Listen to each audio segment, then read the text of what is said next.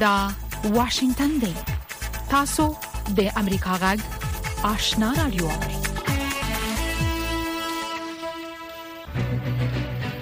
قدرمن اوریدونکو السلام علیکم زه شافیا سردار یم دا د امریکا جغ آشنا رادیو خبرونه پېښه لومړی به خبرونه واوري السلام علیکم درنو اوریدونکو ستړي مشي زه زیبا خادم یم دا د امریکا جغ آشنا رادیو خبرونه ده د نړۍ د دې ساعت خبرونو ته ساسې پام را اړوم د قطر صدراعظم او د بارنیو چارو وزیر شیخ محمد بن عبدالرحمن الثانی بیګا د سپین مانې د ملي امنیت د سلاکار جک سالوان سره په ټلیفون کې د افغانستان په حق لغږیدل دي د قطر د بارنیو چارو د وزارت بیانیه وایي چې دوی په افغانستان کې پر روانو حالاتو او همدغه راز د افغانانو سره د دوامدار بشري مرستې د ملاتړ په اړتیا غږیدل دي د امریکا په شمول د نړۍ ډیرو هیوادونو په افغانستان کې د طالبانو د واکمنېدو نه وروسته خپل سفارتونه او سیاسي نمائندګۍ قطر ته لیږدولې دي او قطر اوس د افغانستان لپاره د نړیوالو اړیکو اصلي مرکز ګڼل کیږي د ملګرو ملتونو د بشري مرستو د انسجام اداره او چاوي په افغانستان کې د هغو وګړو شمیر لوړ شوې ده چې د جنسيتي تاوتریخوالي لکبله مرستو ته اړ شوې دي اوچا په یو تازه بیان کې چې نن په ټوئیټر کې خپور شوی ویلي دي د جنسيتي تاوتریخوالي لکبله د تیر کال د دسمبر د میاشتې نه د سګنی کال د می تر میاشتې پورې مرستو او خدماتو ته اړتیا 15% زیاته شوې ده د افغانستان نه د امریکا په مشرۍ د نړیوالو قواوو د وټلو نروسته چې کومه امریکایي وسلې د طالبانو لاس تلويدلې وي هغه وسلې اوس د افغانستان نه بهر لیدل شوې دي یو اسرایلی قومندان تیر میاشت د نیوزویک مجلې ته ویلي دي چې د امریکا د متحده ایالاتو یو اندازه سپکه وسلې چې په افغانستان کې پاتې شوې وي هغه د غزې په تړنګ کې د فلسطینیانو لاس ورغلي دي د مطبوعاتي راپورټونو لقرار طالبان په افغانستان کې د دغو وسلو او مهماتو په قاچاق کې لاس لري او یو شمېر سیرونکو وایي د وسلو د تور بازار کنټرول هم د طالبانو په لاس کې دی همداشان د دغه وسلو یو اندازه پاکستان او ځینو نورو هیوادونو ته هم انتقال شوې دي مګر د طالبانو د حکومت ویان ذبیح الله مجاهد د جولای په لسم تاریخ د امریکایي قواونه د پاتشو وسلو په قاچاق کې د طالبانو لاس لرل رد کړی دی د ماشومان د چارو د لپاره د ملګرو ملتونو ادارې یونیسف ویلي دي چې د روان کال د پایل نه تر اوسه پورې په افغانستان کې تر څلور نیم لک خلکو نه زیاتو کسانو ته د سکولو د پاکو اوبو بندوبست شوی دی یونیسف ویلي دي ساګانی کیندلې دي ترمیم کړي دي او د اوبو د رسولو داسې تاسیسات جوړ کړي دي چې د لمر په انرژي چلیږي یونیسف هم د غرض ویلي دي چې د اوبو نلونه راسن د خلکو د کورونو مخې ته رسولي دي د پاکستان پوځي مشرانو تور لګولې ده چې په افغانستان کې د تحریک طالبان پاکستان او نورو دهشتګرو ډلو پناځایونو او آزادانه فعالیتونو د پاکستان په امنیت اغیزه کړې ده د دې خبر تفصیل ته ستاسو پام را اړوم د پاکستان د پوز مطبوعاتي دفتر بیانیه وایي د دوشنبه په ورځ د پوز د مرکزی قوماندانۍ په غونډه کې په پا پاکستان کې په تازه بریدونو او د پاکستاني قواو په تلفاتو خبرې وشوې په دې بیانیه کې راغلي چې د غونډې ګډون کوونکو وویل په گاونډي هیواد افغانستان کې د ټي ټي پی او نورو دهشتګرو ته ځای او ازادي ورکولو د پاکستان پر امنیت بد اغیزه کړې ده په دې غونډه کې د عملیاتو لپاره د پوز پر چمتووالي او د عسکرو د روزنې په اړه هم په تفصیل سره بحثونه وشول. تیر اونۍ په پاکستان کې په وسلوالو بریدونو کې د 12 پاکستاني عسکرو د وژل کېدو نه وروسته پوځ وویل چې په افغانستان کې د دهشتګرو موجودیت دوی ته اندېښنې ور اچولې دي خو سم ځواب ورکړي غورځنګ د امریکا غږ واشنگټن د پاکستان د پوځي چارواکو د دې ادعاو نه وروسته چې ګوندې افغان مهاجر په پاکستان کې په تروریستي بریدونو کې لاس لري سپینې ماڼۍ وویل هیڅ داسې شواهد نشته چې افغان مهاجر دې په دغو پیښو کې لاس ولري د امریکا د متحده ایالاتو د ملي امنیت د شورا ویان جان کربي دا خبره پرون په خبري کانفرنس کې د پاکستاني چارواکو د ورستیو څرګندونو په حق لکړه ده پاکستاني چارواکو ویلي دي د دې ترڅنګ چې افغان مهاجر د پاکستان بې ثباتۍ کې لاس لري د افغانستان خاوره د پاکستان په ضد هم استعماليږي د طالبانو حکومت ویلي دي هیڅوک نه پریدي چې د افغانستان نه د بل هیواد په ضد کار واخلي د افغانستان سیمه او نړۍ خبرونه د امریکا غږ آشنا رادیو د واشنگټن د استودیو نه اوري پاکستاني چارواکو ویلي دي د دې هیواد د پاوز لوی درستیز جنرال عاصم منیر په تهران کې د ایران د لوی درستیز جنرال محمد حسین باقری سره کتلی او دواړو په ګډي پولي کې د بیرتون غوښتونکو وسلوالو په ضد په همکارۍ موافقه کړې ده د پاکستان پاوز د جولای په 18مه په اعلامیه کې ویلي دي چې لوی درستیز عاصم منیر د ایران د جمهور رئیس ابراهیم رئیسی او د بارنیو چارو وزیر امیر حسین عبداللهیان سره هم کتلی دي د اعلامیې له مخې په دې ملاقات کې د سیمه ییزې سولې او ثبات لپاره د دوه اړخیزو اړیکو په اهمیت خبرې شوې دي د متحده ایالاتو د دفاع وزارت وایي چې په منځني ختیځ کې جنگي کشتۍ او اف 14 ډوله جټ جنگي الوتکې زې په ځای کوي چې ایران ونشي کړي د فارس په خلیج کې کشتۍ ضبط کړي متحده ایالاتو ځکه دا اقدام کړی دی چې د ایران بحري قواو تیر میاشت کوشش کړی و چې د هرمز په تنګي کې او د عمان په خلیج کې دوه کشتۍ ونیسي او حتی په یوې کشتۍ ډزې هم کړې وي د پنټاګون د ویان مرستيالي صبرینا سنگ د تهران نغښتې دي چې د هرمز په تنګي کې د بې ثباتۍ د اعمالو نه سم د سی لاس واخلي ځکه چې په دې تنګي کې د آزاد تجارت مخه نیول کیږي او د متحده ایالاتو د بارنیو چارو وزیر انټونی بلینکن د اوکراین د غلې د موافقینه د روسي وتل د اصولو خلاف وبلل او زیاته کړه چې د روسي دغه اقدام به په نړۍ کې د خوراکي موادو د بیو د لوړېدو سبب شي د امریکا خارجه وزیر انټونی بلینکن د روسي دغه پریکړه غیر انساني بللې ده زیبا خادم امریکا غږ واشنگتن خبرونه مو د امریکا جغ آشنا رادیو څخه واوریدل درنوریدونکو زموږ په دې خبرونه کې د افغانستان سیمه او نړۍ د روانو حالات په اړه کې مهم مطالب او د امریکا جغ سرمقاله لرو هله د خبرونه تر پای واوري لومړی به راسو دې رپورت ته چې د طالبانو د حکومت د بهرنیو چارو وزارت سرپرست په کابل کې افغان او بهرنیو پنګوالو سره په کتنه کې ویلي چې د بهرنیو هیوادونو سره سوداګري او د سیمې د هیوادونو سره د افغانستان نشلولې د بهرنی سیاست لومړیتوب دی خو افغان پنګوال وایي تر هغه چې په بانکونو د امریکا د متحده ایالاتو محدودیتونه او د طالبانو حکومت پر رسمیت نیو پیژندل شوی بهرنۍ پنګوال به په دغه هیواد کې په لوی کچه پنګونې ته زړه شنه کړي نور تفصيل زموږ د خبريال اکرام شینواری پر پورت کوي د طالبانو د حکومت یو شمېر چارواکو د دوشنبې د ورځې ناوخته کابل کې د یو شمېر افغان او د سیمې د هیوادونو د پانګوالو او سوداګرو سره په کتنه کې په افغانستان کې د پانګونې په برخه کې د اسانتیاو د رامنځته کولو ترڅنګ هغوی ته د سر او مال د خوندیتوب ډاډ هم ورکړ د بهرنی چارو وزارت سرپرست مولوي امیر خان متقي ویل چې د حکومت د بهرنۍ پالیسۍ لومړیتوب بهرنیو هیوادو سره سوداګرۍ ته وده ورکول او د سیمې هیوادو سره د افغانستان نښلول دي د سوداګرۍ او ترانزیټ د حجم زیاتول د سیمایزو لویو اقتصادي پروژو پلي کول د پانګونې راجلبول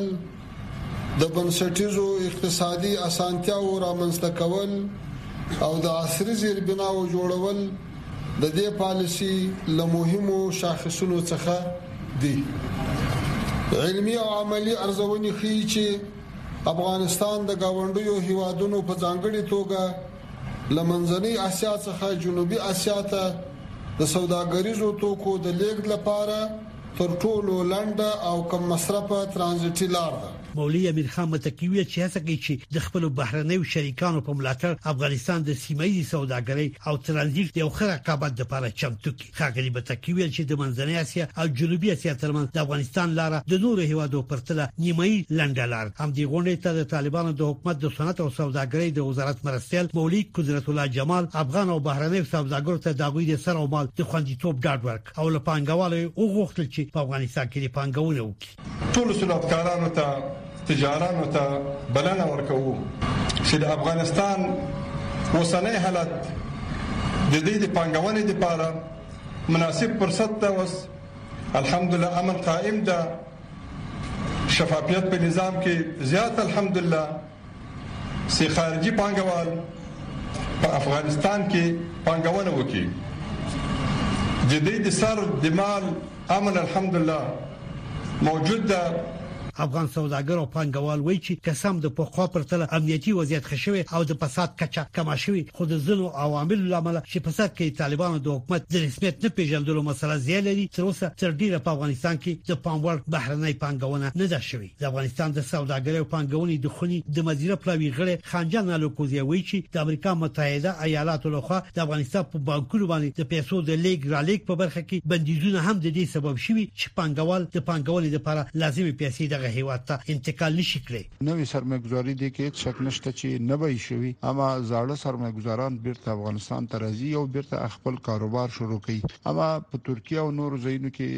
دا سرمایګزاري شوې ده نو د سیاسي مشکل په اساس چې ترڅو دا سیاسي مشکل نه حل شوی په افغانستان کې دا چې په خلاص لاس باندې سرمایګزاري فکر نه کوم کې یا داخليانو کې یا خارجن ځکه چې انتقالات د پیسو ډیر زیات مشکل دي زموږ بانکونه تعزیرات ولاندې دي په دغه ارتباط باندې ځکه د سرمایګزاري کچه کمه یو شمیر افغان او بهرنیو سوداګرو او پنګوالو په کابل کې د امام ابو حنیفه دویم نړیوال نندارتون کې د ګډون لپاره کابل ته سفر کړی دا نندارتون د دوشنبې پر ورځ پرانیستل شوې دي په دغه نندارتون کې د افغانستان د کورنیو تولیداتو سربېره د ایران پاکستان او منځنۍ اسیا ځینو هیوادو تولیدات هم نندارې ته ایښودل شوي انتظار پای ته ورسید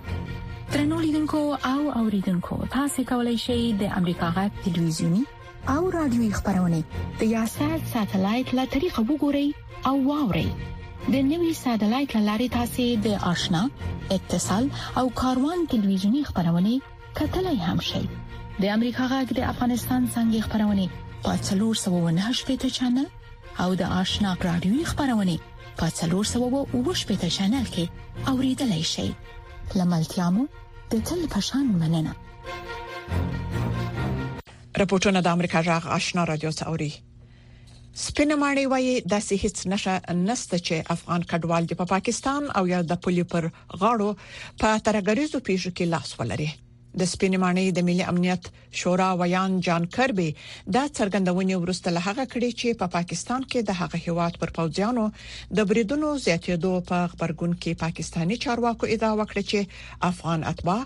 په دغه بریدونو کې لاس لري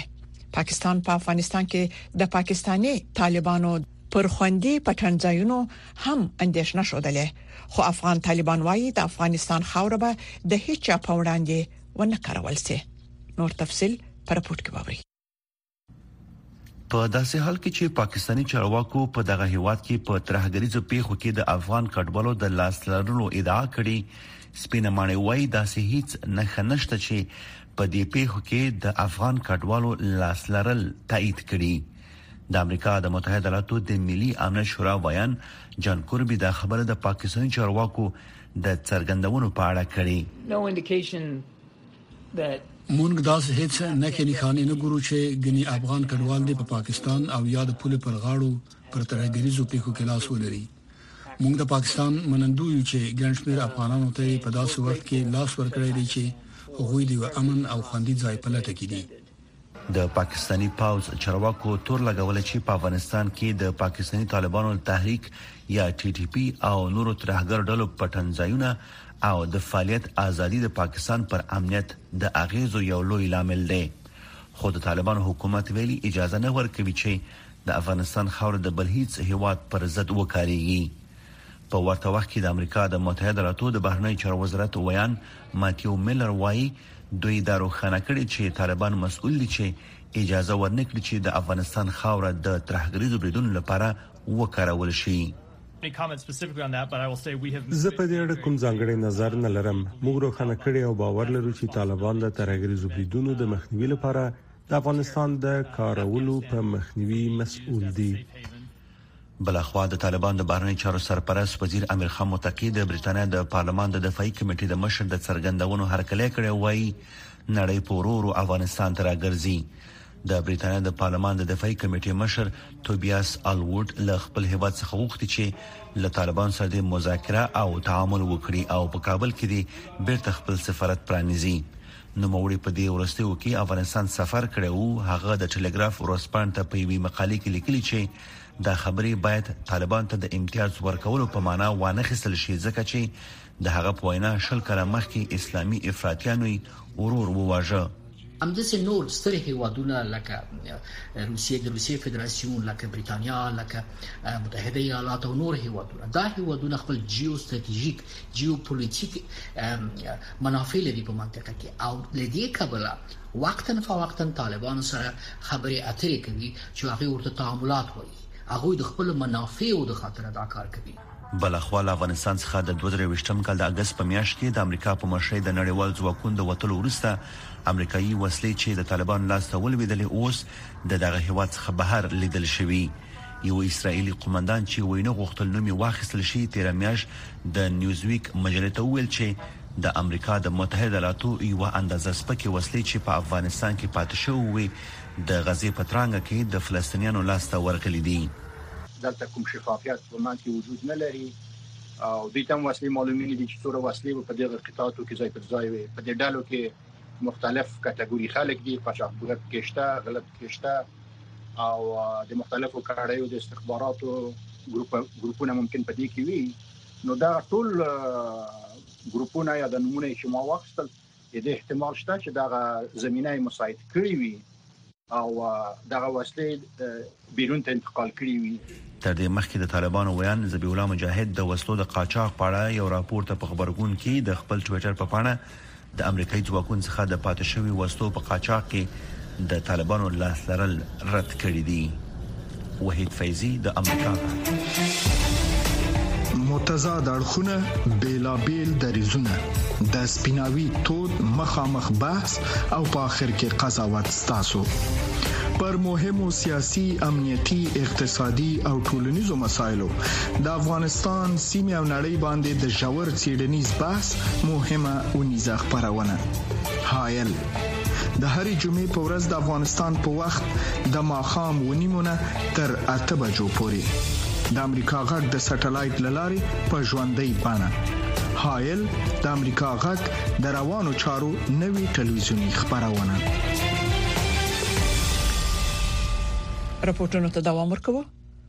په دې وروستیو کې د کابل ښار او شاوخوا بیلابیلو سیمو څخه خلک د څښاک اوبو ته د نه لاسرسي شکایت کوي.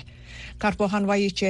په افغانستان کې د څښاک پاک اوبو ته د نه لاسرسي ستونزه ژوره او یوازې تر کابل محدوده نه ده. نور تفصيل پر رپورت کې واوري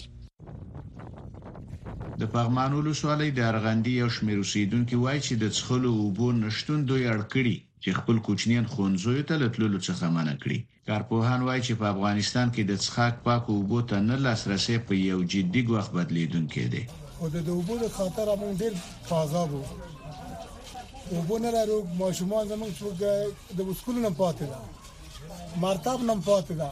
مدرسې نه پاتې ده، په دغه اوبو مشکلات ډېر لرو چې ورور هغه موږ چې مرتب ته ولېږو، دلته اوبه نه لرو کور کې.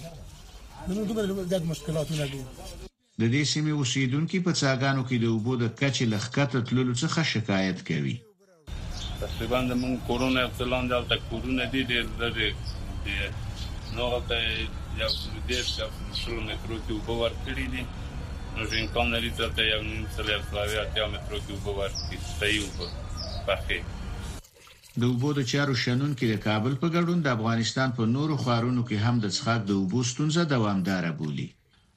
د سږ کال په شمول هر اوړی په کابل او ځینې نورو غټو ښارونو کې په څاګانو کې اوبه له لسو څخه تر شلو مترو کوزېږي. دا ډېره د تشویش وړ ستونزه ده او کولای شي چې ناروغتیاوې، اقتصادي ستونزې، خپلمنځي شخړې او داسې نور جنجالونه راوپاروي. د سیمې خلک وايي چې د اوبو ستونزې یې پر روغتیا ناوړه اغېزه کړې. بیخی ټول که دته غټو وړی ټول مریضان کړی دی ماشومان دی تمام ورځ بوشکی په لاس کی بوشکی ښکته پورته ځغلی څوګ اوبه ورکی څوګ یی نه ورکی ډیر لری ژای نه راوړی تقریبا دری کیلومتر دوه نیوی کیلومتر لار.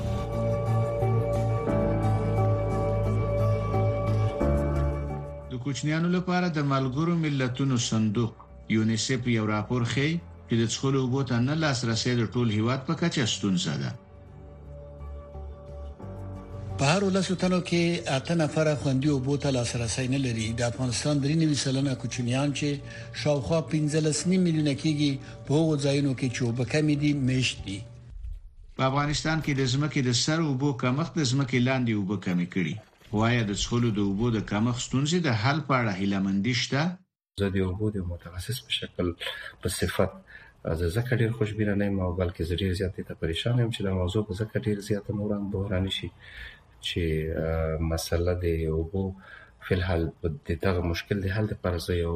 سیاسي اراده او یا یو تخنیکی پلان یا منظم یو چوکاټ نه ګورم نو د دې پایلې به ډېر زیاتې خرابه وي د پایلې به ډېر زیات بوګنونکي هغه ځکه چې خلک به وادار شي چې خپل کلی کورونه او ولسونه پرېږدي بل خو د ملګرو ملتونو د بشري مرستو د همغږي دفتر او چا تازه تازه په افغانستان کې د وچکالۍ د زیاتېدو خبرداري ورکړي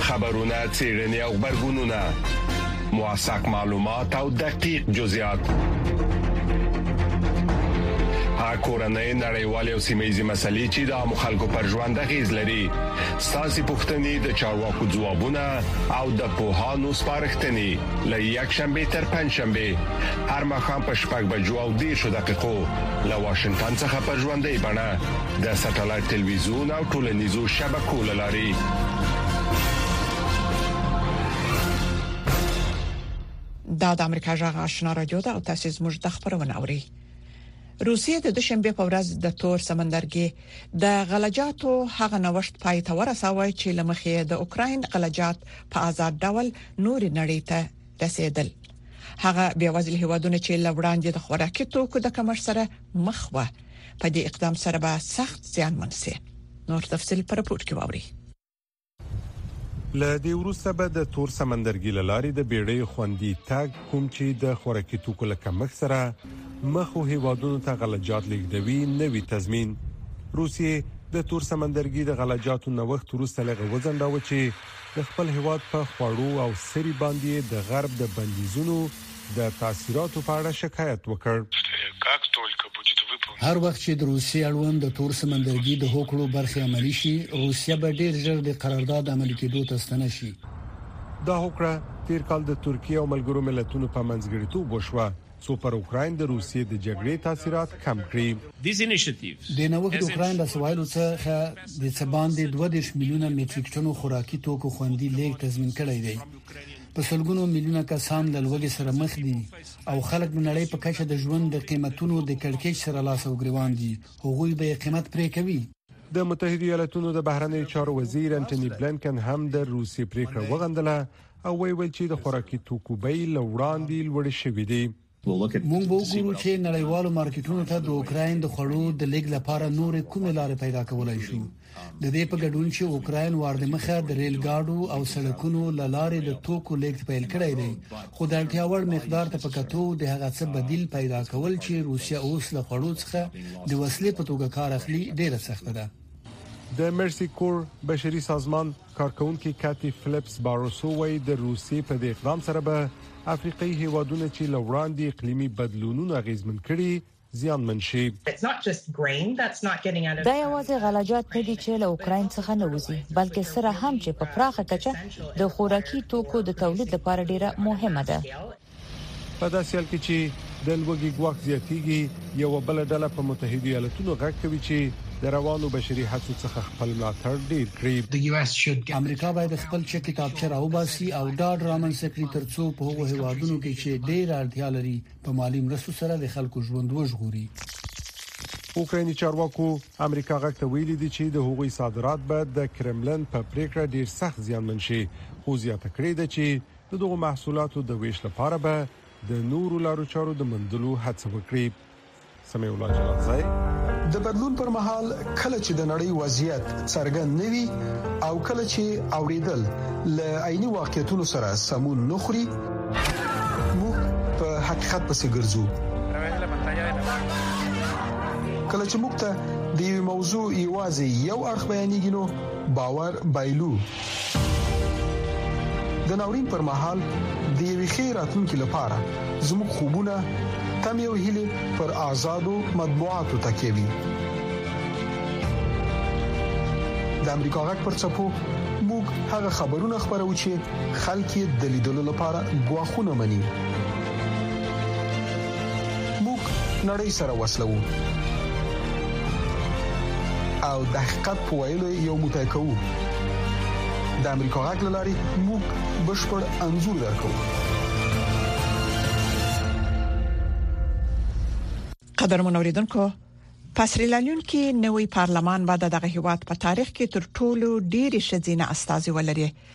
د ځلې یو څلويشت شذو پارلمان ته لار پیدا کړې چې د تیرو په پرتله دوه چنده زیات دي نور حال پر پټ کې ووري روګیتو نینی په 2009 کې سیاست ته مخه کړه او د خزو د سنتولو په وړاندې مبارزه پیل کړه نو موري وایي چې د یوې سیمایي شورا تر دورې وروسته د هغې سیاسي ګوند په دریو بیلابیلو مواردو کې هغې ته د بلې څوکۍ ورکولو څخه ډډه وکړه هغه وايي، د شوراګانو د دوه څوکیو لپاره یې په یو پړاو ټاکنو کې دویم نیکه چې تر ټولو ډېرې رایې ګټلې وې، خو ګوند یې له ټاکنو وروسته یو بل نارینه پر دې څوکۍ کېناوه. ما تل رایې ګټلې، خو مشرتابه فکر نه کاوه چې زه په هغو معیارونو برابره یم چې دوی غواړي. زه ورته داسې نه ښکارېدم چې سر به ورته ټیټ کړم یا ورته داسې نه ښکاریدم چې د دوی هر خبره به ومنم. په سیریلیون کې ښځینه فعالانې وايي چې سره له دې چې په جنوري کې ولسمشر د جنډر د برابرۍ او د ښځو د ځواکمنولو قانون لاسلیک کړ خو بیا هم دا ډول لاس وهنو د ښځو ونډه په سیاست کې کمه کړې ده. په تیرو ټاکنو کې د سیریلیون په پارلمان کې یوازې دوولس سلنه ښځینه استازې وې چې د نړیوال اوسط شپږ ویشت اعشاریه څلور سلنه دی او د حکومت په کابینه کې چې دوه دېرش څوکۍ لري، یوازې څلور یې ښځو سره وي چې دا هم د نړۍ له اوسط څخه خورا ټیټ رقم دی. دا له حقیقت څخه لرې ده. له جګړې وروسته د رښتینولۍ او پخلاینې کمېسیون راپور وايي چې ټولې ټولنې له اصلي جریان څخه ایستل شوي او نه پوهېږي چې پرېکړې څنګه کېږي او په دې سره ځینې بنسټونه لکه مېرمنې او ځوانان له اصلي جریانه ګوښه شوي دي د سیریون په ټاکنو کې رای ورکوونکي په مستقیم ډول کس ته رای نه ورکوي بلکې ګوندونو ته رای ورکوي ګوندونه بیا هغه څوکۍ ډکوي چې د دوی د ګوند غړو له درجه بندۍ لیست څخه ګټلي نیکی سپنسر کوکر چې د یو وکیل ده او د خځو فعال ده وایي ډیرو ګوندونو خځې په ټیټو رتبو کې ځای پر ځای کړي چې لدې عملې د څوکۍ ګټلو چانس ډیر کم دی. په راتلونکې دوره کې باید له سیاسي ګوندونو سره په مستقیم ډول کار وشي ترڅو ډاډ ترلاسه شي چې دوی په لیستونو کې میرمنې په لوړو څوکیو کې ځای پر ځای کړي او داسې څوکۍ ورکړي چې خوندي وي نه هغه څه چې شاید د دوی له لاسه وځي د سیریلیون د جندر وزارت له امریکا غږ سره په مرکه کې وویل چې دا قانون به تعقیبوي او د ټولو نیمګړتیاوو د سمولو لپاره به کار کوي همدا شان له نوو خزینه او وکیلانو سره به په ګډه د خزینه او سیاستوالو د لا زیات خوندیتوب لپاره هڅې وکړي احسان لاریوزی امریکا غږ واشنگتن طالبانو د افغانستان له دننه د امریکا غږ راډیو خبرونه درولې دي